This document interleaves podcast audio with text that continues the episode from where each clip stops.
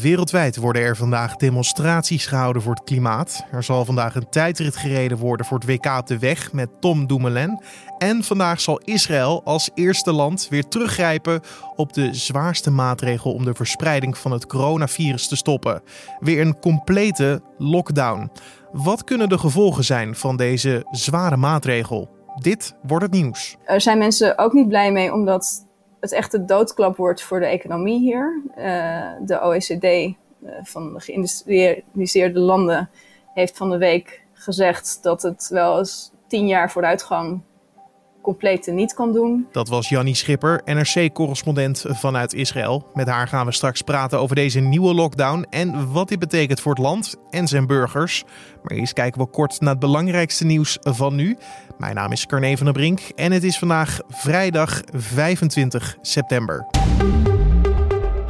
burgemeester van Tilburg, Theo Wetering, staat achter de keuze van de gemeente om honderden Willem II supporters op een plein de thuiswedstrijd tegen de Schotse club Rangers FC te laten kijken. Zo laat hij weten aan Omroep Brabant. Op beelden is te zien hoe de supporters zich niet hielden aan de coronamaatregelen. Als je het niet toestaat, loop je het risico's dat supporters zich op verschillende plekken in de stad manifesteren. En zo valt het allemaal beter te controleren, al dus Wetering. De burgemeester noemt het verder een waardeloze avond. De Tilburg verloren namelijk met 0-4 van de Schotse club Rangers FC. De levensverwachting is de afgelopen jaren toegenomen, maar de sterfgevallen door het coronavirus hebben mogelijk een effect op die groeiende levensverwachting. Dat meldt het Centraal Bureau voor de Statistiek op basis van nieuw onderzoek. Het CBS heeft voor de rest van het jaar vijf mogelijke scenario's doorgerekend, waarbij in het gunstigste geval de levensverwachting gelijk blijft met die in 2019. In het slechtste scenario, waarbij door een tweede golf twee keer zoveel doden vallen als in het voorjaar, verwacht het CBS dat dat de levensverwachting zal dalen naar het niveau van 2010.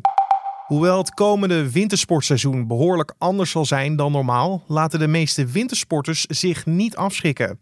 Het aantal boekingen ligt bij de ANWB op ongeveer driekwart van het niveau van vorig jaar. De consument neemt wat gas terug, maar het kan zijn dat dat nog wat aantrekt, al dus de Toeristenbond. De verwachting is dat de wintersport een last-minute markt wordt, waarbij de consumenten tot een paar weken voor vertrek afwachten met boeken. Hoewel er nog van alles kan veranderen qua maatregelen, lijkt één ding zeker: dit seizoen kunnen wintersporters nergens naar de après-ski.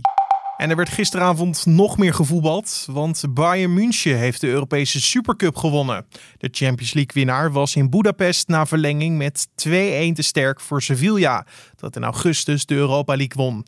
Het was voor PSV ook een mooie avond. Zij hebben zich in Slovenië geplaatst voor de play-offs van de Europa League. De Eindhovenaren waren in de derde voorronde met 1-5 te sterk voor NS Moura.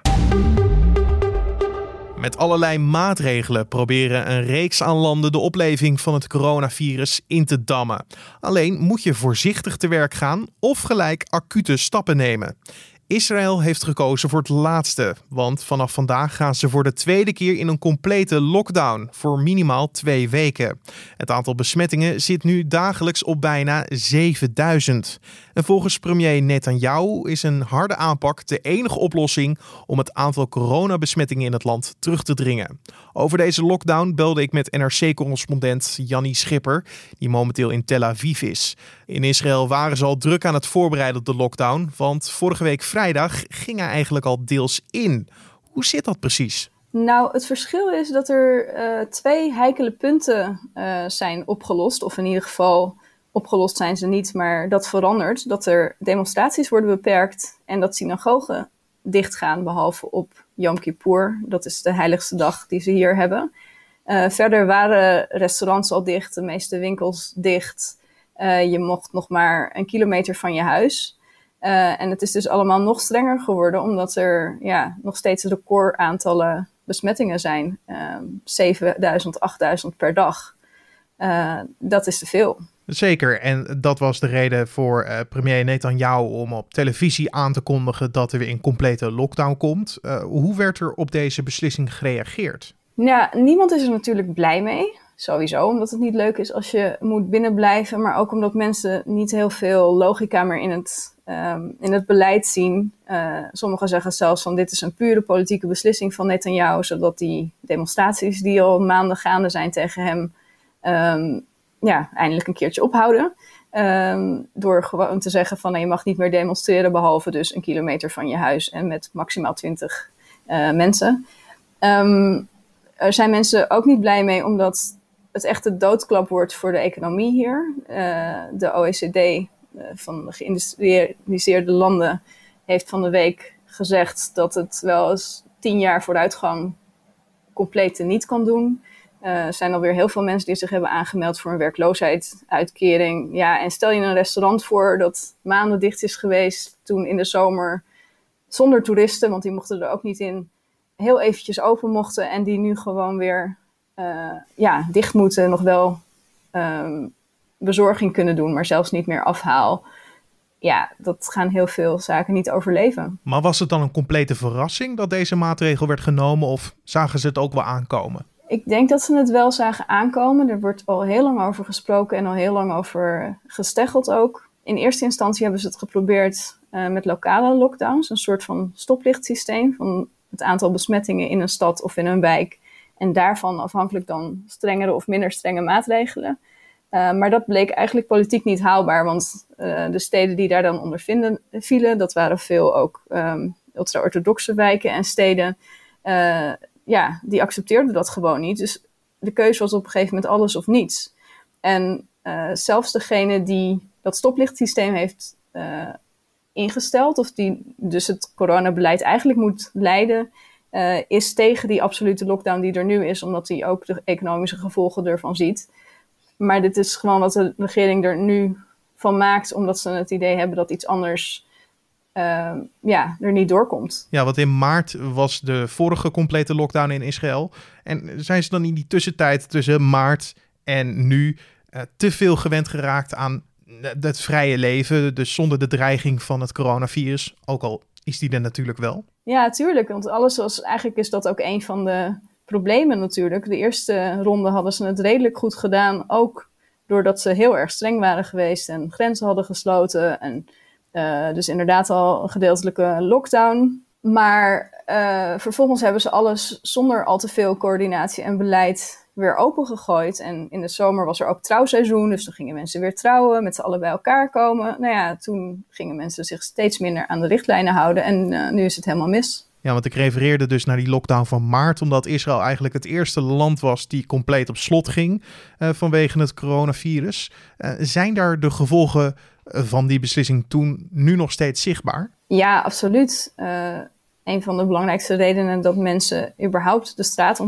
op gaan om te protesteren tegen het beleid is dat er weinig economische steun is. Er zijn wel steunpakketten, maar die stellen volgens de betrokkenen niks voor. Dus ze hadden toen op een gegeven moment een miljoen werklozen. Dat is weer, omdat dat voor een deel tijdelijke werkloosheid was, um, is dat voor een deel weer teruggedraaid. Maar nu worden die mensen grotendeels dus weer opnieuw uh, werkloos.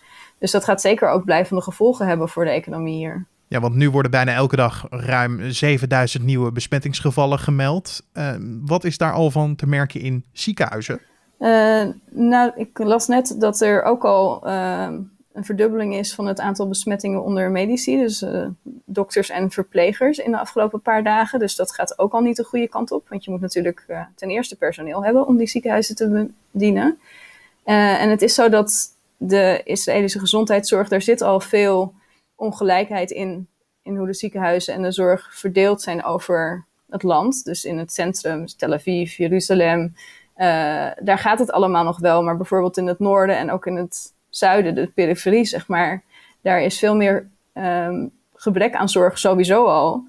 Uh, en nu is het ook nog zo dat daar relatief veel besmettingen zijn in het noorden. En dat samen zorgt ervoor dat daar al uh, ziekenhuizen nee moeten verkopen aan patiënten. En die moeten dan dus verplaatst worden naar ziekenhuizen meer uh, in het centrum. En dat, als dat zo doorgaat, dan op een gegeven moment zijn ze echt over hun capaciteit heen. Maar denk je dat de regering denkt dat ze nog wel een bepaalde mate van controle uh, over het virus hebben? Of is dat volledig uh, oncontroleerbaar op dit moment? Nou, dit is niet de regering ernaar om te zeggen: oh, we zijn alle controle kwijt. Uh, Bibi, Benjamin Netanyahu, die vindt natuurlijk altijd dat hij alles onder controle heeft. Maar ja, de bevolking kijkt daar inmiddels heel anders naar. En dat is dus ook ja, mensen houden zich wel aan de maatregelen, min of meer. Er zijn geloof ik afgelopen week al 13.000 boetes uitgedeeld voor mensen die zich er niet aan hielden. Maar niemand is echt overtuigd, omdat er gewoon niet heel erg uit het beleid straalt dat daar een lijn in zit en dat het nu helemaal goed gaat komen. In Nederland rusten we natuurlijk op het bron- en contactonderzoek om het virus zoveel mogelijk onder controle te houden. Maar hoe is dat in Israël? Hebben ze daar ook zo'n systeem? Uh, nee, dat is een van de klachten van experts al na de eerste ronde. Ze zeiden, ja, je moet je wel voorbereiden uh, op een mogelijke tweede ronde, want die komt er ongetwijfeld aan. En dan moeten we zeker weten dat we inderdaad dat bron- en contactonderzoek op orde hebben. Uh, dat is niet gebeurd. Wat wel gebeurd is, is dat uh, de Shin de geheime dienst, telefoons mocht trekken van mensen die patiënt waren en of die dan in contact waren met iemand. Maar dat systeem is niet feilloos. Dus daar zijn ook juist weer mensen onterecht door in quarantaine terechtgekomen. met als gevolg dat mensen zich weer niet aan de quarantaine gaan houden. In ieder geval, dat systeem is zeker nog onvoldoende op orde. En op dit moment, eh, en dat was trouwens ook in de eerste ronde zo, probeert het leger deels op te vangen wat het ministerie van Gezondheid niet aan kan. Maar dat blijft beperkt. Maar dat gaat dus heel erg over hoe er nu wordt geopereerd door de overheid, de regering. Um, tegenstanders van premier Netanyahu zeggen dus dat hij deze crisis ook wel misbruikt voor zijn eigen gewin, zoals je aan het begin al aangaf. Denk je dat hij inderdaad zoveel mogelijk de aandacht op het coronavirus wil houden en dat mensen niet uh, gaan nadenken over bijvoorbeeld de corruptiezaken waar hij nog steeds uh, terecht voor staat? Uh, nou, Netanyahu zit zeker in de problemen, dus hij heeft zeker alle reden om de aandacht af te leiden. Niet alleen met de coronacrisis, maar ook door te gaan roepen over mogelijk annexeren van delen van de Palestijnse gebieden, dan toch niet, dan een akkoord met de Emiraten en dan naar Washington vliegen op het moment dat hij net de lockdown heeft aangekondigd. Maar hij is opvallend stil geweest over die coronacrisis een hele tijd. De eerste periode was hij heel alarmerend, elke avond op tv. Toen was hij een tijd stil. En nu uh, gaat het weer meer over de coronacrisis. Dus de indruk bestaat dat hij de coronacrisis, net als alle andere gebeurtenissen in het land, naar zijn hand probeert te zetten. In de zin van daar uh, politiek gebruik van maken. Maar het feit blijft dat Israël dus vanaf vandaag voor de komende tijd op slot gaat. Weet jij al ongeveer wat je wel en niet mag doen? Ongeveer. Dat is een van de problemen ook. Dat die besluiten steeds last minute worden genomen en dan toch weer uh, half teruggedraaid. Dus uh, ik weet bijvoorbeeld dat we nog mochten sporten. Uh, en nu wordt er gezegd dat je niet meer mag sporten, maar of je dan ook niet meer een rondje mag fietsen, geen idee. Dus uh, ja, voor het vanmiddag twee uur is, ga ik nog snel even een rondje fietsen nu het nog mag. Maar je dacht niet op een gegeven moment, ik ga toch weer terug naar Nederland, voordat hier echt de sleutel weer in het slot gaat? Ik ben eerlijk gezegd even in Nederland geweest, dus ik kom nu net mijn quarantaine uit. Dus ik ga van absolute quarantaine naar lockdown. Dat was Jannie Schipper, NRC-correspondent in Tel Aviv. Israël. En dan nemen we nog even een diepe duik in de verdere nieuwsagenda voor vandaag. Vandaag zullen over de hele wereld weer demonstraties voor het klimaat plaatsvinden. Fridays for Future heeft wereldwijd acties aangekondigd voor vandaag, nadat de klimaatprotesten vanwege corona lange tijd op een laag pitje stonden. Ook Extinction Rebellion heeft aangekondigd vandaag actie te voeren. In Nederland zijn er door Fridays for Future acties aangekondigd in Zwolle, Amsterdam, Leiden, Maastricht, Groningen, Utrecht, Arnhem, Den Haag, Enschede, Leeuwarden en Tilburg. Op het Formule 1-circuit van Imola in Italië wordt de tijdrit bij de heren verreden als onderdeel van het WK op de weg. De eerste renner vertrekt om half drie en de laatste om vijf over half vijf. Tom Dumoulin en Jos van Emden zijn de enige Nederlandse deelnemers. De Formule 1 zelf gaat na een weekend rust ook weer het circuit op. En wel in het Russische Sochi. Daar wordt zondag de Grand Prix van Rusland verreden. Vandaag beginnen de vrije trainingen om 10 uur Nederlandse tijd.